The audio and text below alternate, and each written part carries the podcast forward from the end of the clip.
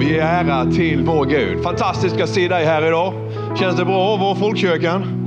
Ja, det är ju så här va, att hit är alla välkomna. Och jag, jag, tycker liksom att det ska vara en, miljö, en, speciell miljö, alltså en atmosfär, så att när man är här så ska man känna som att man kommer hem. Jag, jag läste en intervju nu här vid på morgonen. Det var en kille då, han var ju rom, han ville inte bli kallad för rom, han sa jag är zigenare. Och han var uppväxt i, i Rinkeby. Han berättade om hans farmor, hon var bankrånare. Och hans mamma hon, hon var ungefär samma då. Va? Och hans pappa han hade inte gjort något vettigt i sitt liv för han tog emot Jesus och nu var han pastor i Philadelphia i Stockholm. Men inte han då utan han hade gjort alla möjliga saker. Och sen kom han med i Hells Angels. Då, och som så motorcykelgäng. Och då sa han det var första gången jag mötte människor som var ärliga. Det sa han därför att där var det på det här sättet man, de, de liksom, ja, ja, sanning med modifikation. Va? Men han kom dit, därvid så var det första gången han kom till ett ställe där man satte gränser. Så va. Man tog hand om hustrumisshandlare på ett speciellt sätt. Och, och lite sådana här saker. va. Och då var det så, sa du någonting så fick du stå för det.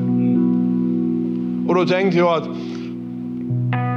så ska det vara när man kommer till församlingen. Alltså, vi är ju inte Hells Angels här vid. Men det, det får inte vara på det sättet att när man kommer till en kyrka då så ska det eh, liksom bara flöjta. Utan här ska ett ja vara ett ja. Ett nej ska vara ett nej. Alltså, vi behöver någonting att hänga upp vårt liv på. Eller hur? Någonting som är absolut, någonting som är sant, någonting som sätter gränser och som hjälper oss att förhålla oss till livet man, man ska ha liksom den här upplevelsen att när man kommer in i en församling och möter kristna, så när de säger ja så är det inte en ja. Men när de säger ja så är det inte heller nej. För så nu jobbar han inom filmbranschen. Han sa att de är mycket, mycket värre än Hells Angels. Där, där ljuger alla. Där kan man inte lita på någon. Så, så ge inte in i filmbranschen. Ge in i frikyrkan istället. För vi jobbar på att man ska kunna lita på alla där också. Mm. Eller hur? Och så jag tänkte vi skulle prata om det idag, lite grann om när livet förändras. Går det bra? Därför att alla som är här, vem du än är, varifrån du än kommer och vad du än har gjort, så är det ändå så här va, att, att livet förändras. Saker och ting runt omkring oss förändras. Och när man är ung då så förändras det väldigt snabbt. Man kommer in i tonåren, man blir 20, man blir 25, man blir 30. Det är så mycket som händer. Då man träffar någon, man flyttar samman, man skaffar barn. Alltså det är mycket förändringar precis hela tiden. Och då måste man förhålla sig till. Och finns det någonting som är fast då, någonting som man alltid kan lita på. För människor kan man ju inte alltid lita på. Utan vi människor, vi, vi sviker ibland. Därför att så är livet. Men det finns någonting som man kan lita på och det är Gud. När jag var 28 år, jag, jag levde liksom ett helt sekulärt liv och kom, kom in och får möta Gud. Och människor har ju svikit och människor har ljugit. Men Gud har alltid varit sann. Så man behöver någonting som är fast när livet förändras. För att det kan jag tala om för dig att även när du blir äldre så tycker du att mitt liv, liksom det har varit ungefär samma sak nu i 5, 6, 7, 8 år. Ja, men du vet inte när förändringen kommer. Någonting händer. Jag brukar predika om det ute med att det finns saker och ting som man inte kan förbereda sig på. Allting är som det alltid har varit. Sen en dag så händer någonting som du inte hade tänkt kunde hända. Då kommer förändringen. Och frågan är, vad gör man när saker och ting förändras? Vad gör du när, när liksom du blir arbetslös? Vad gör du om en av dina föräldrar dör? Vad gör du om, liksom, om ni blir ovänner och ni flyttar från varandra? Vad gör du om du helt plötsligt kommer hem liksom en tjej från någonstans och säger att du ska bli pappa? Alltså, förändringar kan komma på många olika sätt. Och när förändringarna kommer, då är det väldigt bra om man har någonting som är sant. Om man har någonting som man kan lita på, någonting som man kan gå tillbaka på. Och det måste jag säga att jag är ju totalt vild emellanåt och har svårt att känna gränser och så här. Va? De, de hade ett program nu när de pratade om ADHD-personer. Har ni hört det? Där sa de att samhället behöver ADHD-personer. Så jag tänkte att när jag kom till Folkkyrkan och Pingstkyrkan här i Sölvesborg, ni behövde en ADHD-person som fick fart på hela sammanhanget. Därför vi har lite svårt att känna gränser. Men då finns det någonting som på något sätt ändå som får det att hålla och bära för ADHD-personer. Och det är Gud. Halleluja. Amen. Honom ruvar vi inte på. Så är det. Känns det bra idag? Kan vi tala om det här? Ja, nu kan du slå till din granne och säga det är fantastiskt roligt att se dig i folkkyrkan idag. Ja. Mm. Och rubriken idag, den är Så som jag var, så skall jag också vara. Alltså någonting som, som så som jag var, så skall jag också vara. Och jag tänkte vi skulle läsa några bibelverser här först. Kan vi göra det? Och det här är en känd text och jag ska berätta för er som kanske inte vet riktigt vad det handlar om strax här vid. Då står det så här att när Herrens tjänare Mose var död så sade Herren till Josua, Mose är död. Bryt nu upp och gå över Jordan, du och hela folket, in i det land som jag ska ge åt Israels barn. Varje plats där ni sätter er fot har jag gett er, som jag lovade Mose. Ingen ska kunna stå emot dig under alla dina livsdagar. Och låt den ligga kvar lite grann så ska jag bara ta detta först. Därför att det här som händer här vid nu, det är någonting oerhört. Jag vet inte om ni, ni känner till Mose och sådär va. Det finns ju en film som heter Exodus, Kings and Gods. kan man se, den är ganska så bra. Men i alla fall, alltså Israel, hebreerna, hade varit slavar i Egypten i över 400 år. Och du vet, är du slav då, då tar man ifrån dig din identitet, de, de tar ifrån dig ditt värde. Liksom, du är en slav, du är en arbetare, du är en ägodel för någon annan.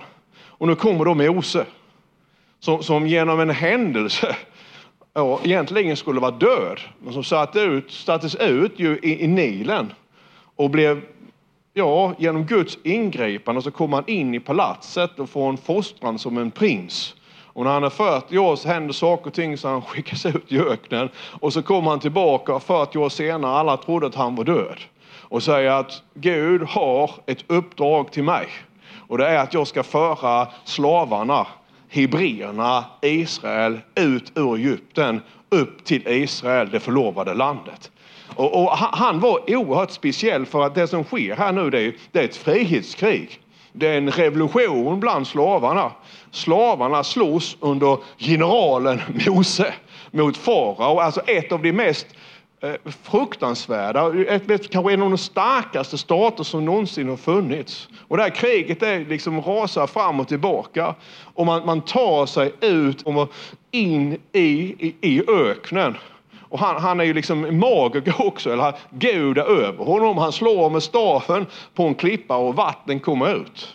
Och det står att han talade med Gud, ansikte mot ansikte. Mose är kanske en av de, de största ledare som någonsin har funnits.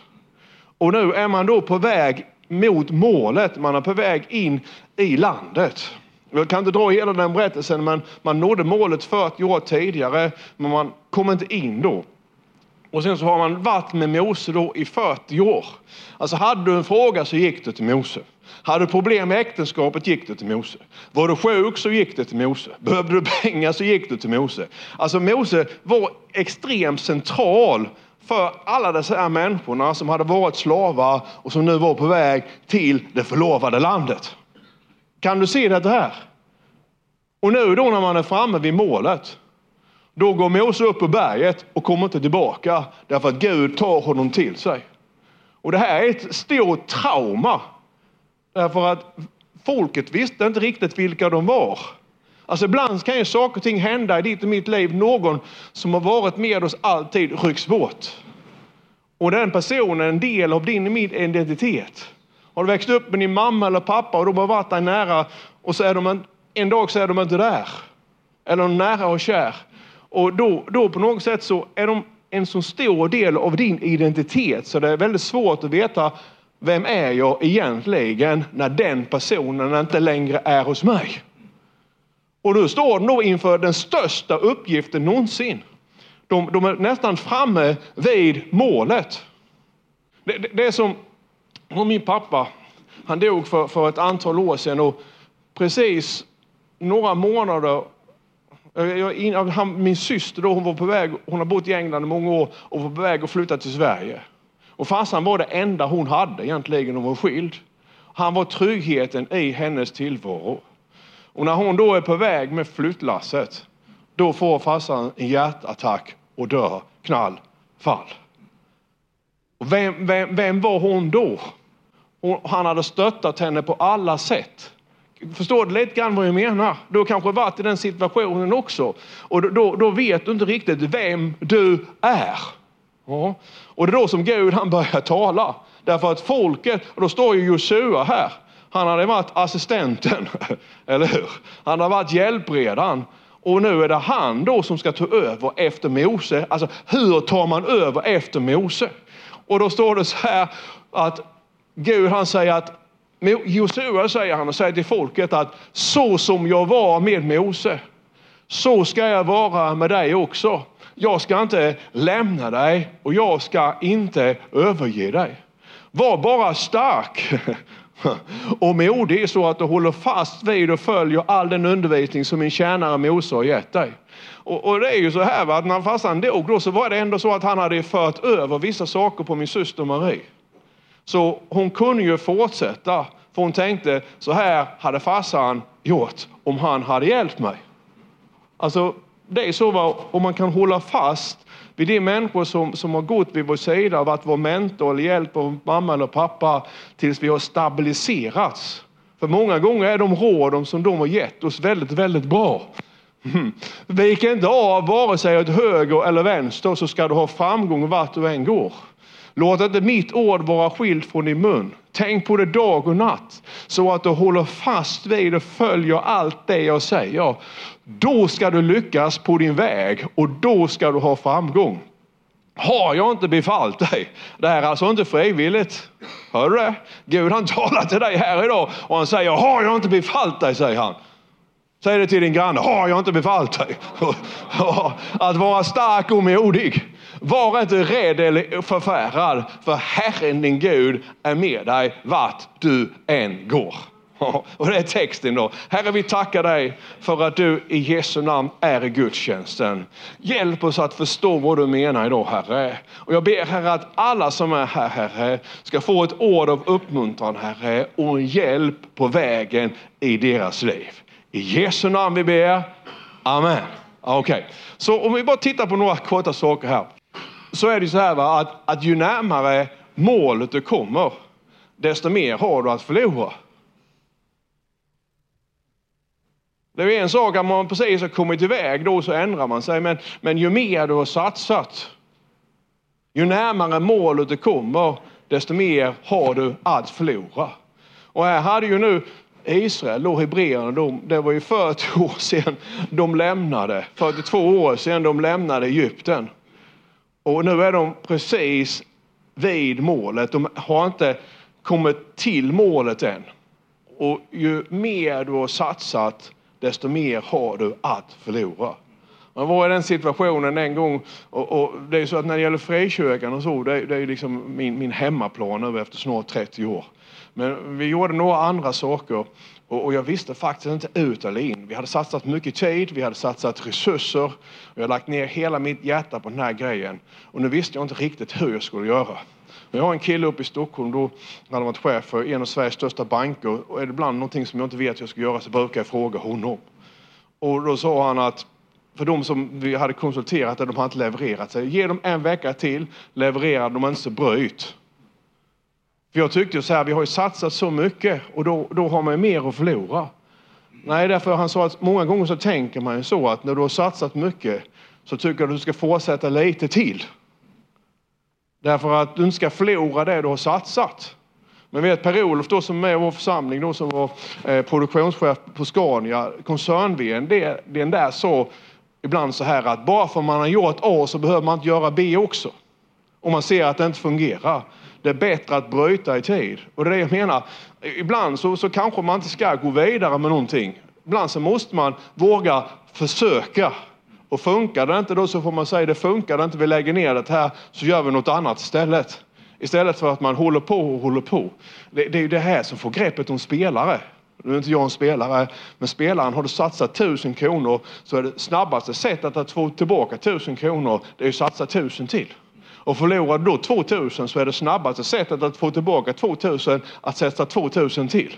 Och så börjar man tänka att för varje gång som jag satsar nu så är ju, ändå oddsen där att jag ska vinna igen. Alltså ju mer du satsar desto mer har du att förlora. Och här står de nu liksom på gränsen till målet. Deras förfäder hade ju lämnat det här landet och nu är de på väg in.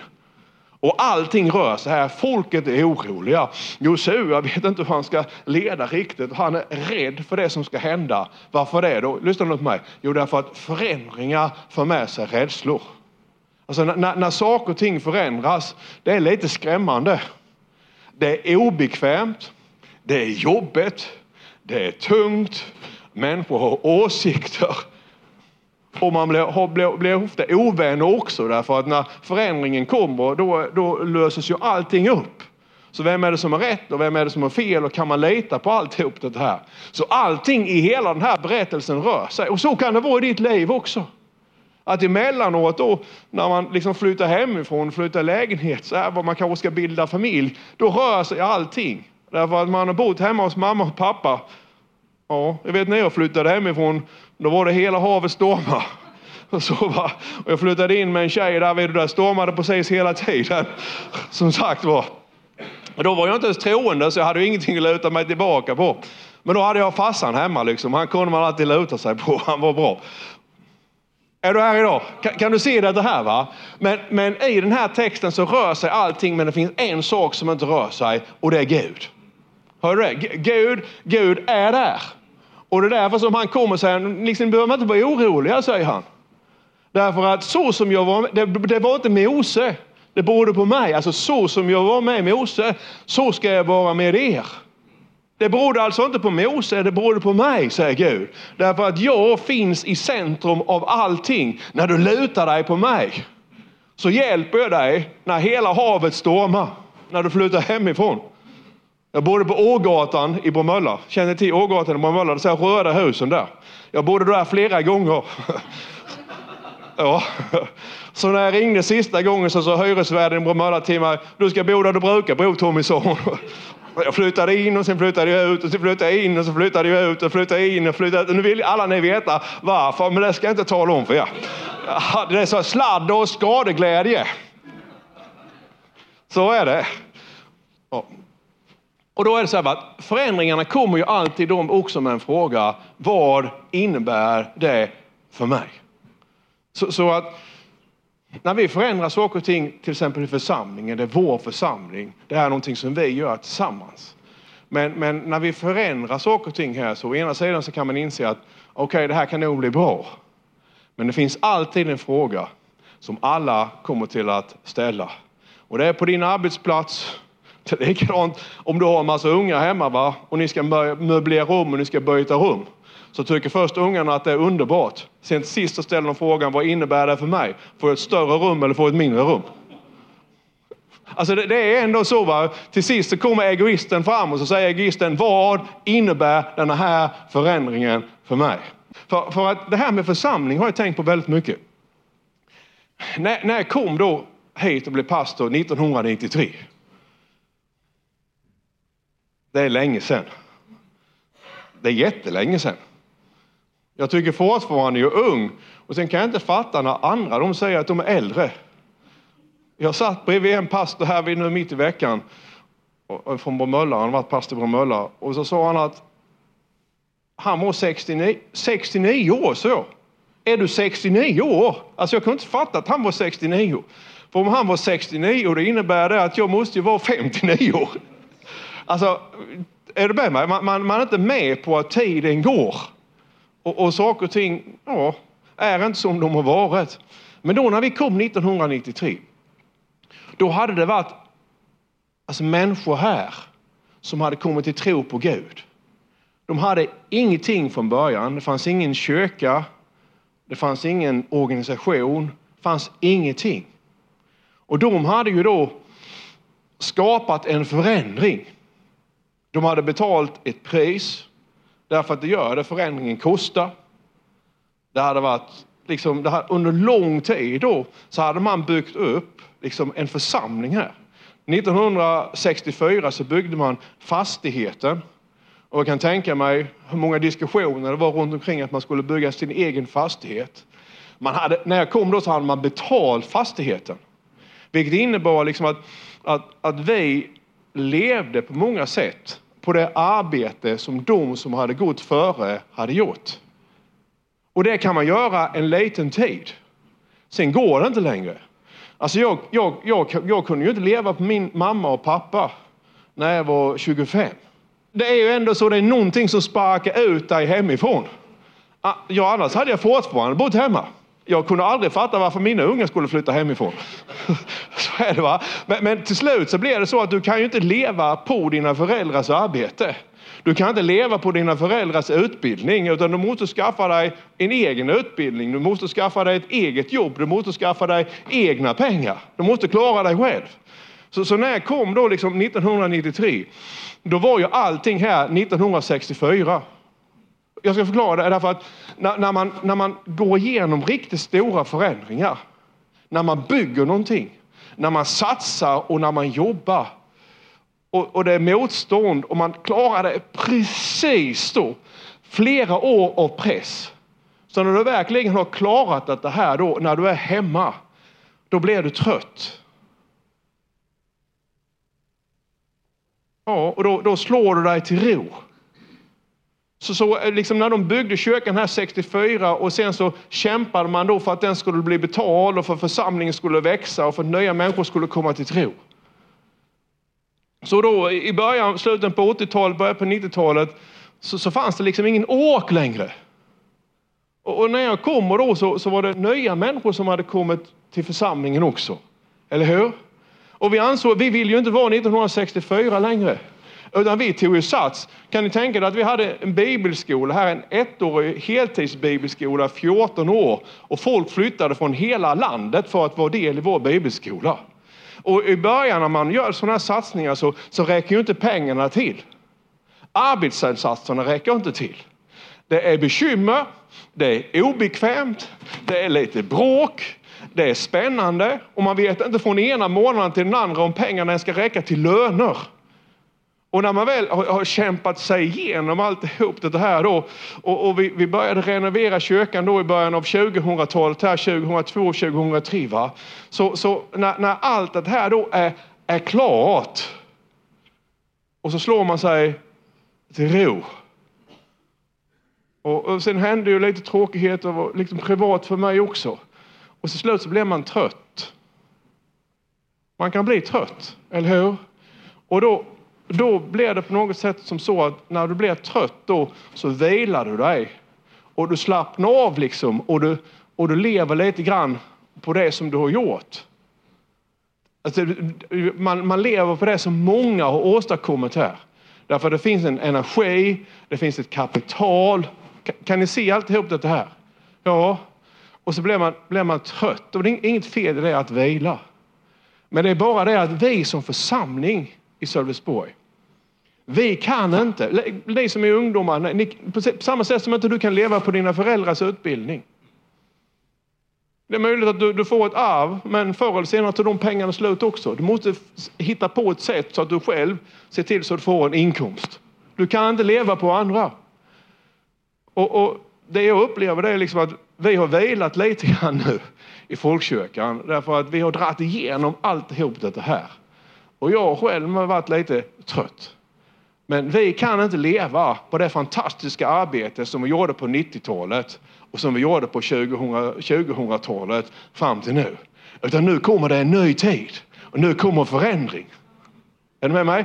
Och då, då är det så här att det är jobbet, det, det jag menar. Och du ställer frågan, nu har vi, bara det här att vi byter gudstjänsttid från 11 till 4 och, och vi har gjort om scenen här vid nu. Det här skapar ju förändringar. Det skapar diskussioner, det skapar åsikter, det skapar problem. Men du vet att om vi tar oss igenom problemen och vi kan se mot framtiden så är det på det sättet, på samma sätt som, som Gud var med pingstvännerna i början på 1900-talet när hela sta, eh, sta, eh, havet stormade. Precis som Gud var med de som byggde kyrkan här och betalade den. På samma, Gud som, på samma sätt som Gud var med oss när vi drog fram här 1993. Va? Folk kom ju från hela Sverige för att få vara med i vår församling. och uppleva det som hände här. På samma sätt är Gud med oss idag. Vi är inte samma människor. En ny generation kommer till. Men det finns bara ett sätt och det är att bryta upp, man vilar en tid. Och sen kommer nya utmaningar. Kan du se alltihop det här? Och när de här nya utmaningarna kommer då, då kommer samma problem igen. För jag tänkte, jag tänkte själv det lite grann att jag blivit lite feg, man blir lite försiktig. Därför att det har varit så lätt. Men till slut då så kan man inte leva på det som vi har arbetat in. Utan vi måste söka oss vidare. Och det gäller ju dig också. Du kanske har varit i en relation och den har gått sönder. Ja, du får slicka dina sår, men du kan inte leva på den gamla eh, relationen längre, för den finns inte längre. Du tjänade pengar på det jobbet och nu är du arbetslös och stämplar. Ja, du får försöka och, och, och skapa en förändring i din situation så du, du kan få ett nytt jobb. Ja, men det är jobbigt Tommy. Ja, visst är det jobbigt. Och du ska veta, det blir inte bättre om du är 59 år gammal. Och hela socialdemokratiska Sverige säger till att du ska pensionera dig när du är 67. Är du här vid idag? Ja, alltså det finns förändringar. Men i förändringen, halleluja, så finns Gud. Och Gud, han, är han med oss så klarar vi det. Tror du det också? Ja, okej. Okay. Då har jag bara, jag har tre saker här, det är egentligen sex, men jag ska bara ta tre idag. Och jag ska ta dem ganska snabbt. Då var ettan så här att syftet är större än dig själv. Alltså, det fanns ett syfte i det som hände, står det här va. Bryt nu upp, gå över Jordan med hela folket in i landet jag ger er. Varje plats ni sätter er fot har jag gett er, som jag lovade Mose. Ingen ska kunna stå emot dig under alla dina livsdagar. Så oavsett vem du är som är här idag så finns det ett syfte med ditt liv. Och syftet är alltid större än dig själv. Alltså syftet som Gud han har med vår församling, det är inte församlingen. Ibland så har vi sagt så här, men vi vill att folk ska komma till kyrkan. Alltså syftet med, med folkkyrkan är inte för att folk ska komma hit. Syftet med vår församling är att vi ska, vi ska möta människor i vardagen. Syftet är att det ska inte vara Hells Angels som kommer med sanningen, utan syftet är att vi ska komma med sanningen. När människor möter oss så ska de känna att här finns någonting som man kan luta sig på. Varför det då? Därför att Gud är med oss. Ibland så blir församlingen ett självändamål, det är det inte. Utan syftet med dig och mig, och det är det jag menar, va? Att, att hitta syftet i ditt liv. Alltså vet du vad syftet med ditt liv är? För kan man hitta syftet, då blir ju också livet meningsfullt. Att man lever med mål och mening. Och det är inte säkert du vet syftet med ditt liv.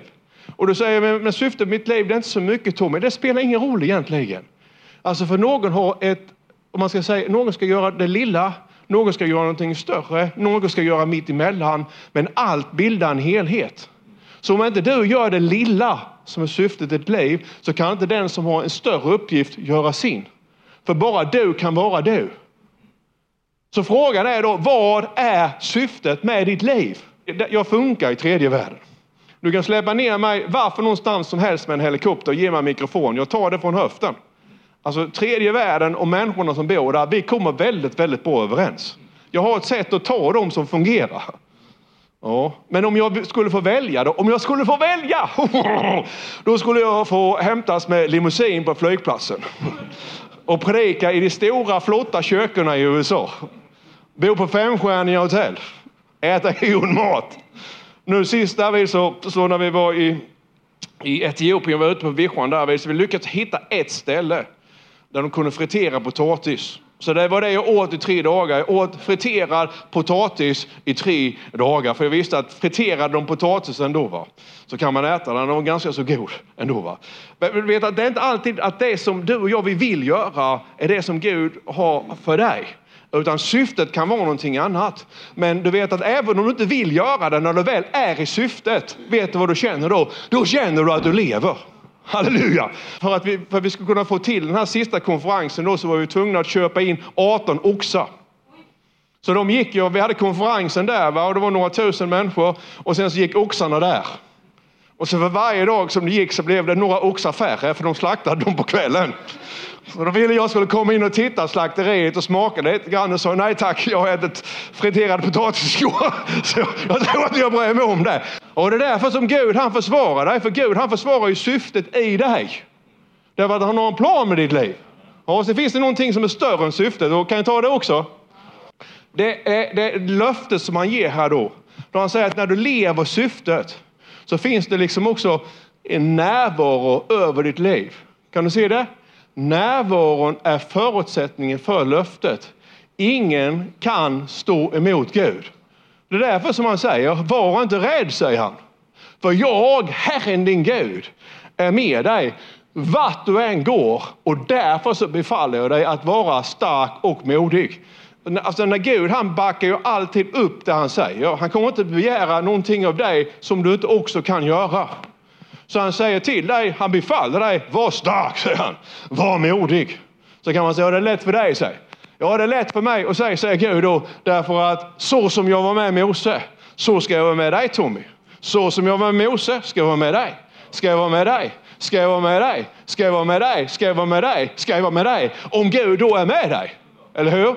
Då finns det ingen anledning annat än vara lite kaxig emellanåt kanske. Är du här idag? För då kan du vara stark och modig. Därför att närvaron av Gud, det är ju det det handlar om. Det handlar bara om närvaron. Jag har läst flera böcker nu om människor som gjort fantastiska saker. Då, och många av dem växte upp under väldigt, väldigt svåra förhållanden. Och så fick de en tro på Gud. Alltså de var sönder. Det var ingenting som fungerade i deras liv. Jag läste om Kenneth Hengens nu här, hans mamma hon var ju psyksjuk. Och, och, och pappan såg han aldrig, han, han lämnade dem när han var liten. Och han själv var ju extremt sjuk också. Och han var ju ingenting. Och, och får ändå en tjänst då som påverkar hela världen. Och, men vad var det som hände? Närvaron av Gud. Så när du är på ditt jobb då, så det som gör att du blir promotad när inte de andra blir det, trots att de kanske till och med har gjort bättre ifrån sig än dig. Närvaron av Gud. Alltså närvaron av Gud är allt. Det som gör att människor kommer tillbaka här till, till kyrkan då en söndag, det, det, det är någonting i rummet här som får en att må bra. Det är någonting som, som känns när man kommer innanför dörrarna i minglet, även när man tar en liten karamell eller en kopp kaffe, så är det inte bara kaffet och karamellen, utan det, det finns någonting här. Och det är närvaron av Gud. Och det, det är det bästa som finns. Därför att om närvaron av Gud går med dig vart du än är, så är det möjligt att, att dörrar kan stängas, men han kan öppna dem igen. Är du här? Alltså din tjej kan lämna dig, men han lämnar inte dig. Mm. Pengarna kan ta slut, men han kan ge dig nya. Du kan bli arbetslös, men han har en förmåga att ge dig ett nytt jobb.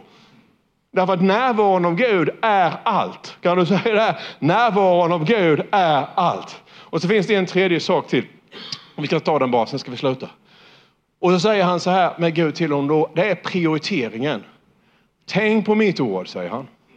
Dag och natt, i varje situation, när du öppnar din mun, tänk och säg vad mitt ord säger.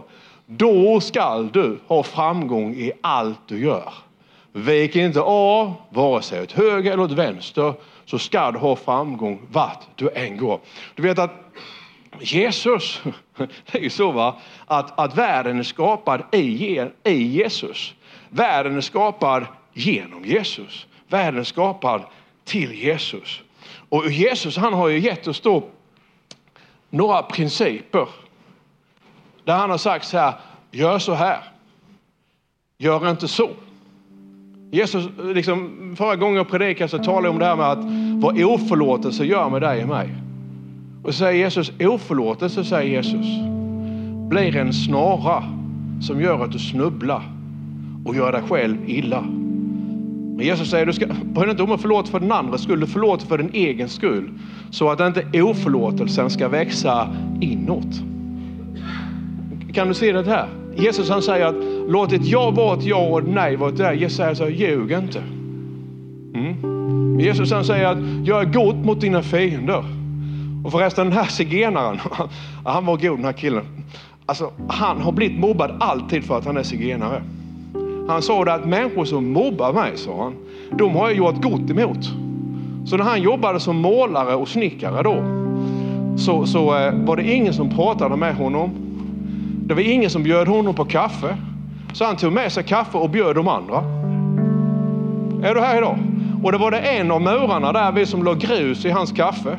Nästa dag så hade han med sig extra kaffe till den muraren och gav honom både kaffe, halleluja, och en bakelse. Så de som var dumma mot honom, där har han gjort tvärt emot. Och jag tänkte det är precis det som Jesus säger. Alltså be för dina fiender, gör gott mot dem som är dumma mot dig. Och, och det är det som, som, som, som Gud han säger här. Är du med mig? Alltså, tänk dig för i det du är och det du gör, det du säger. Vad hade Jesus gjort? Och vilka råd har Jesus gett dig? Därför att när vi följer de råden som Jesus har gett oss, då blir det liksom som en lampa. Det blir som ett ljus. Då ser du vart du går. Och när du står på vad han har sagt, då, ja, då kan livet storma i alla fall. Men du tar det ut både det ena och det andra därför att hans ord, hans jag vill inte säga bud egentligen, för på ett sätt är det bud, men det, det, det är på något sätt ett mentorskap. Det är, något, det är sant, för därför att han är skapelsen. Detta fungerar i skapelsen. Och, och, det som Jesus sagt också, det övergår ditt och mitt förstånd. Så att när, när då den här zigenaren gör som Jesus har sagt utan att han är troende, så fungerar det. Han vände ju hela den här firman. Till slut då så älskade alla honom. Varför det då? Jo, därför att det är så här principerna fungerar. De principer som Jesus har gett oss, de fungerar därför att de är nedlagda i skapelsen. Det var som den här siken jag träffade. Jag tar det som avslutning. Kan jag få göra det? Jag träffade en sik en gång, eller många gånger. Alltså inte en, en sikare nu, en som spelar hockey i Sölvesborg, utan en sik. Och, ehm, de har ju en religion, den finns i Indien då. Och, ehm, det var en, en, en, natt då vi skulle åka hem från Indien. Och jag satt längst bak på jumbojetet. Hur många av er har hört mig berätta detta tidigare? Alltså jumbojeten det är på det sättet, du ska inte sitta längst bak. Därför att längst bak på en jumbojet så finns det tre säten. Och de är precis bredvid alla fyra toaletterna. Vilket innebär att när alla då har varit och ätit och så här och mättar så och går på toaletterna så klarar inte fläktarna av att suga ut allting som kommer ut. Så jag, jag, jag satt där vid och, jag, och, och flygplanet kom inte iväg. Och till sist då så visade det sig att det var fel på bromsarna och de kunde inte flyga in reservdelar. Så de fick baxa ut allihop. Ja, det är mycket öden och så, människor som har tid att passa. Och då var det en sik då. Han var så arg därför att han skulle hem till en begravning. Och eh, han, jag, ja, vi fick, då, då körde de oss till ett femstjärnigt hotell för den delen, så det var ju trevligt. Men då satt vi och åt frukost, jag och den här siken. Det var ju Lufthansa som, som betalade det. Och då berättade han det att hans ekonomi hade inte fungerat förrän han började ge tionde. Och tiondet är ju ingenting som, och han var inte troende på Gud eller någonting. Men det här är en princip som är nedlagd i skapelsen. Så när, när du börjar agera på, på det som Gud har gett oss, när, när du vänder andra kinden till, när du gör gott mot dina fiender, när du håller dig till sanningen, när du är generös, när du är kärleksfull. Ja, när du inte ser grandet i din grannes öga, antingen du tror eller inte, så sätter du saker och ting i rörelse i skapelsen som fungerar för dig. Därför att Gud är i skapelsen. Hm. Och nu är det så att vår församling är på väg fram nu. Och vi behöver inte vara rädda. Men så här är det att det är obekvämt. Det hade varit enklare att inte renovera här överhuvudtaget. Det hade inte varit jobbigt alls att fortsätta klockan 11. Vi kunde kört samma stuk. Men vi kan inte leva på det som vi gjorde tidigare, utan vi är på väg framåt. Och vi kan vädja liksom morgonluften. Det finns någonting som väntar på dig och mig. Och det är samma sak i ditt privatliv då, du som är här. Jag känner inte alla som är här idag. Men jag vet att Gud har någonting för dig. Det kommer med förändringens vingar och förändring är jobbet. Men ta dig igenom förändringen så den dagen du kommer upp på andra sidan så ser du att det var värt förändringen. Därför att nu är jag inte där jag hade varit om jag hade stannat kvar. Ibland så lönar det sig att resa sig från fåtöljen. Amen. Kavla upp armarna och börja jobba sig igenom förändring. Därför att på andra sidan finns det någonting som är gott. Halleluja.